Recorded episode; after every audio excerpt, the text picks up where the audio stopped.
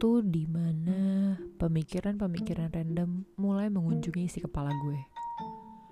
Pemikiran yang mungkin kalau dibahas waktu terik matahari masih ada di atas kepala, kedengarannya akan gak masuk akal.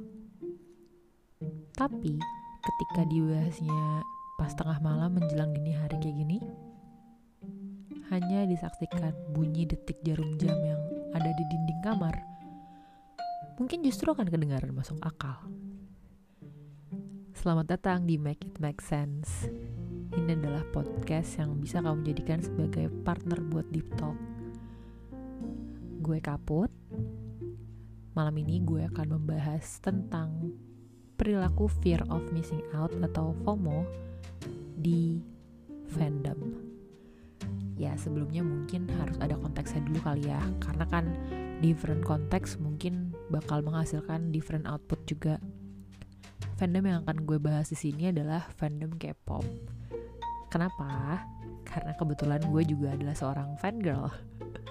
gue adalah fan K-pop dan udah menekuni profesi sebagai part-time fan girl ini dari 2011. Ya, jadi bisa dibilang it's almost a decade since I was fangirling dari awal gue jadi fan girl sampai sekarang tentunya hmm, perubahannya udah drastis ya. Dari yang tadinya susah banget buat dapetin konten sampai kalau resolusinya 360p itu udah sujud syukur banget. Karena udah kebiasaan nikmatin konten yang 240p atau 140p bahkan. Nah, kalau sekarang kan kontennya semua serba ultra HD tergantung koneksi lo sih. Bisa nggak tuh lo dapetin ultra HD 4K katanya kan. Terus dulu juga semua konten itu saking bakalan cepat hilang dan susah ditemuin lo kayak punya obsesi untuk koleksi semua konten yang ada. Jadi kalau dulu tuh gue pakai laptop Windows apa sih namanya buat download itu? Internet download manager inget banget gue.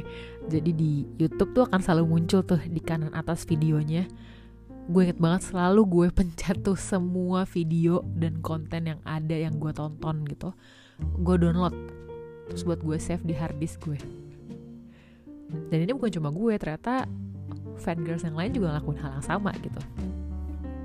Kalau sekarang kan um, ada sendiri gitu server yang kayak Netflix gitu lah ya. Jadi emang itu buat directory konten-konten per fandom sih. Itu biasa juga fans yang bikin. Jadi ada satu fans yang setup satu server isinya tuh kayak kumpulan konten-konten dari idola mereka. Terus bisa dinikmati sama fans lain secara gratis dengan sistem online streaming. Kan kayak wow so praktis. Beda banget sama dulu gitu. Dari segi situasi dan kondisinya aja udah beda nih ya udah jomplang. Tapi ternyata yang masih sama dari dulu sampai sekarang adalah level fanatiknya. Ya, granted namanya juga fans ya. Mau apa pun fandomnya, mau K-pop ataupun bola, menurut gue namanya fans ya pasti punya perilaku fanatik. Ngumpulin merchandise tuh semua fans kayaknya bakalan kayak gitu deh. Di K-pop mungkin ngumpulin merchandise sama album. Oke. Di bola ngumpulin jersey sama kan sebenarnya. Jadi ya mau apa pun fandomnya menurut gue ya kita sama-sama grupis gitu. Nah lo tujuannya buat ngefans sama sesuatu dalam konteks ini gue jadi fan girl K-pop adalah karena itu adalah pelarian gue dari dunia nyata. Jadi kayak misalnya kenyataan azik kenyataan misalnya kehidupan gue udah fuck up atau kayak gue bosan dan butuh distraksi gue akan lari ke fangirling. Itu adalah sweet escape gue gitu. Nantinya ketika gue fokus nge-hype idola gue nih sendirian awalnya dimulai pasti dengan sendirian gue pasti yang aduh gue butuh teman nih untuk menyuarakan ekspresi gue dan menyuarakan kesukaan gue ini nih biar ada yang nimpalin gitu. Karena lama-lama lo akan sepi gitu kalau ngefans sendirian nge-stand dan nge-hype sendirian gitu makanya join lah lo ke fandom. Di mana lo juga bakalan dapat informasi-informasi terkini soal idola lo kan. Join lah. Tujuan lo join ke fandom tuh pertama karena lo pasti mau nyari teman buat nge-hype bareng. Teman yang share common interest sama lo. Itu tujuannya um, lo join ke fandom. Karena itu juga fungsinya fandom. Kan sebenarnya fandom itu juga adalah komunitas gak sih? Community in general kan yang emang menjadi sebuah wadah untuk mengumpulkan orang-orang yang memiliki minat yang sama. Gitu. Nah yang jadi permasalahan adalah ketika lo sudah join ke fandom dan lo kayak wow kanan kiri gue ternyata uh, up to date banget. Lo juga nggak mau kehilangan momen lo nggak mau ketinggalan gitu. Lo akan striving buat jadi yang terdepan buat selalu update biar lo nggak kudet. Itu menurut gue yang jadi problematika karena itu artinya lo FOMO. Kenapa lo FOMO gitu? Kan yang namanya fangirling itu lo lari dari kenyataan kan? Itu adalah sweet escape lo berarti ya lo nge-hype-nya di saat lo bisa di saat lo punya kesempatan di saat lo memang pengen. Itu bukan kerjaan yang uh, wajib kayak 9 to 5 office work gitu loh enggak itu itu kayak bisa lo lakuin kapan aja in between meetings bahkan bisa gitu. Jadi bukan sebuah kewajiban. Nggak ada tuh job descriptionnya seorang fangirl buat mantengin idolanya 24 hours. Buat selalu tahu dan jadi yang terdepan gitu tuh nggak ada.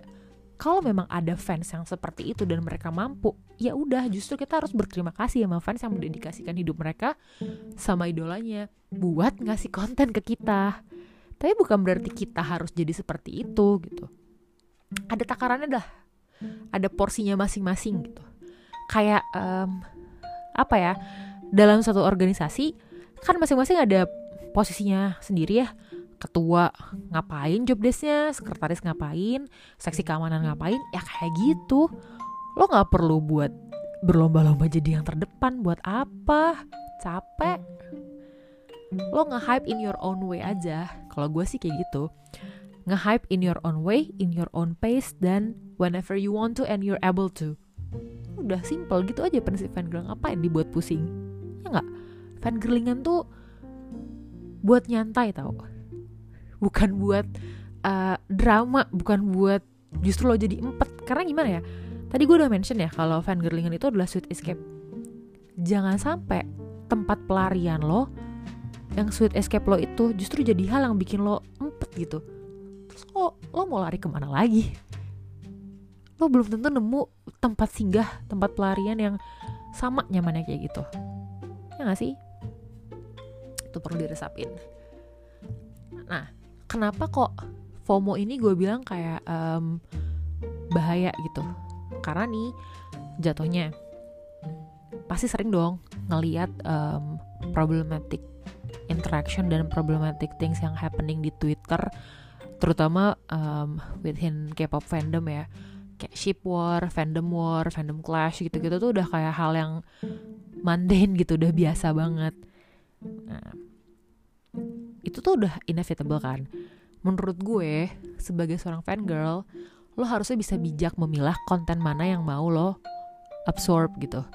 Nggak semua informasi harus lo serap dan lo buang ke otak lo karena otak kan bukan tempat pembuangan akhir ya.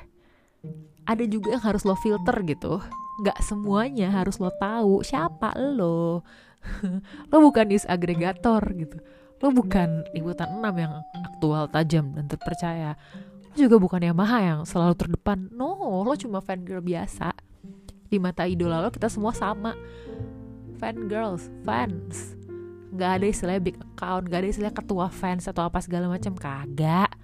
Sama kok di mata idola kita tuh. Nah aduh sering banget gue ngomong nah. Pokoknya ketika um, konten-konten itu sudah jelas nggak uh, bisa lo nikmatin dan tidak membawa pengaruh positif buat lo. Malah justru menimbulkan efek negatif. Menurut gue itu udah saatnya lo aware bahwa lo harus memfilter konten yang lo terima yang lo serap gitu. Misal lo ngelihat um, ship war deh gue nggak akan bahas detail tapi gue akan mention aja ship war atau fandom clash gitu. Lo udah tahu um, shippernya satu couple itu dan apa ya behaviornya mereka tuh bikin lo gak nyaman. Tweet-tweet mereka bikin lo gak nyaman. Ini Twitter ya karena biasanya buat fandom K-pop mostly mereka using Twitter. Ya udah manfaatkanlah fitur mute words gitu.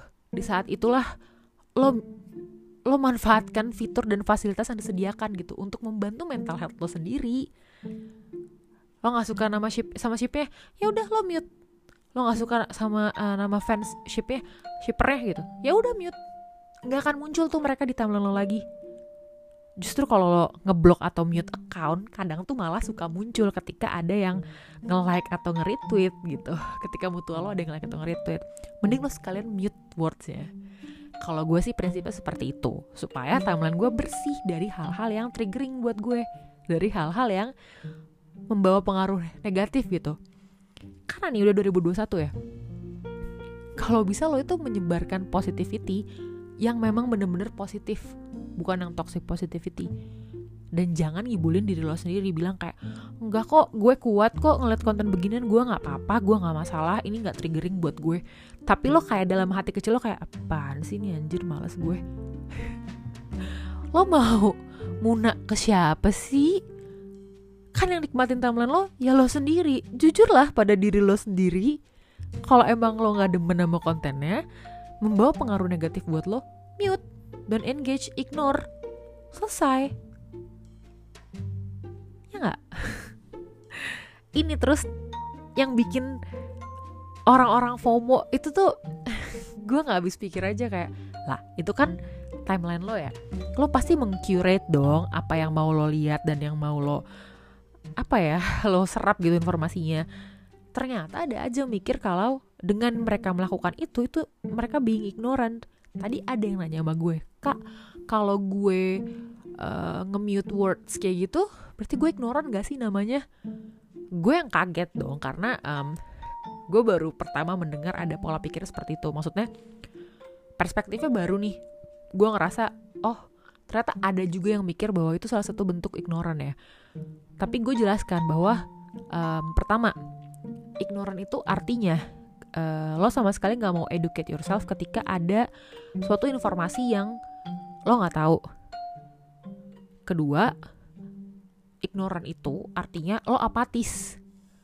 Ketika lo tahu sesuatu yang bisa um, apa ya lo lo lakukan sesuatu ketika ada suatu kejadian atau event deh atau apa pun itu lo tahu dengan lo ikut berpartisipasi misalnya itu bisa merubah sesuatu tapi lo memilih tidak. Itu namanya ignoran. Ya, paling gampang lo ngeliat nenek-nenek nyebrang terus lo biarin aja dia nyebrang sendiri. Padahal lo bisa bantu nyebrangin. Itu namanya ignoran gak sih? Gitu. Nah, gue jelasin lah ke dia gitu. Setelah dia bilang katanya oh gue sih masih mau kah educate myself gitu. Kalau gue ada konten yang gue nggak tahu gue sebisa mungkin gue berusaha buat educate myself. Nah tapi ketika gue ngeblok nge-mute words kayak gini ini gue ngerasa gue ignoran gitu. Dari situ kan gue nangkep ya oh ternyata dia tuh udah capek juga sebenarnya dengan konten konten-konten yang bertebaran di timeline dia dan dia baru mulai menerapkan prinsip untuk memfilter konten ya udah gue bilang aja sama dia kayak um, itu bukan ignoran itu namanya adalah lo aware bahwa nggak semua informasi harus lo serap harus lo tahu. Itu namanya lo bijak. Itu namanya self defense mechanism. Karena lo mau ngelindungin diri daripada lo ngerasa sakit ataupun terbawa negatif vibe lo mending menghindari. Nah itu self defense mechanism kan namanya bukan ignoran. Itu yang coba gue uh, jelasin ke dia sih dan alhamdulillah dia berhasil menerima saran itu. Karena gue nggak mau aja jadi ada misunderstanding di sini bahwa maksud gue dengan lo belajar bodoh amat itu adalah ya lo bisa lebih fokus ke hal-hal yang bikin lo happy. Buat apa lo udah tahu itu ngebawa negatif vibe dan lo tetap engage di situ gitu itu yang gue nggak habis pikir sih menurut gue kayak ya fan girl itu kan emang tempat lo buat happy happy fandom itu adalah um, wadah buat lo menyalurkan happy happy lo gitu. Ya udah spread the happiness justru. Sesimpel itu sih kalau gue ya kalau gue. Wah coba-coba gue lama juga nih. Semoga ada aja yang bertahan dengerin sampai 15 menit ya tapi ya overall menurut gue justru di fandom itu lo bisa menemukan keluarga. Gue punya temen um, beberapa orang dari fandom lama gue waktu awal-awal gue ngefans. Dulu kan gue di fandom Big Bang VIP sekarang gue di Army Bangtan itu masih sampai sekarang dari 2011 sampai sekarang itu gue masih berteman dekat. Bahkan udah kayak saudara. Gue akrab sama keluarganya bahkan ini juga pasti terjadi di fandom bola gak sih? Pasti uh, udah forming strong bond gitu within members asik members. Itu happen banget sih. Maksudnya it happen di di dunia fandoman jadi gue udah gak heran kalau misalnya ada teman yang ya ini temen uh, bola gue temen K-pop gue tuh sebenarnya so much more than that sih gitu. Karena kan gak semuanya mau mau berinteraksi IRL nggak maksudnya lo juga memfilter gak sih siapa aja yang mau lo ajak interaksi ke kehidupan nyata lo? IRL bahasanya bahasa Twitter banget bahasa internet slang sorry. Ya jadi menurut gue ada positifnya lah dari fandom ini. Nggak melulu negatif. Itu yang coba uh, gue mau tanamkan ke orang-orang. Fokus di positifnya aja. Nggak usah fokus ke negatifnya. Karena dunia udah negatif udah hancur. Kenapa lo harus bawa hidup lo hancur juga? Padahal lo bisa kontrol hidup lo. Kayak gitu sih kalau dari gue. Oke kayaknya udah cukup banyak nih gue cuap-cuap malam ini. Semoga masih bertahan ya. Buat yang masih bertahan dengerin makasih banyak. Buat yang udah live nggak apa-apa buat yang cuma singgah bentar doang juga it's okay karena lagi-lagi prinsip gue adalah yang buruk dipisah yang baik dikisah oke jadi sampai ketemu lagi di sesi podcast selanjutnya saat another random thoughts muncul dan mengunjungi kepala gue di tengah malam. Thank you for listening. Selamat beristirahat.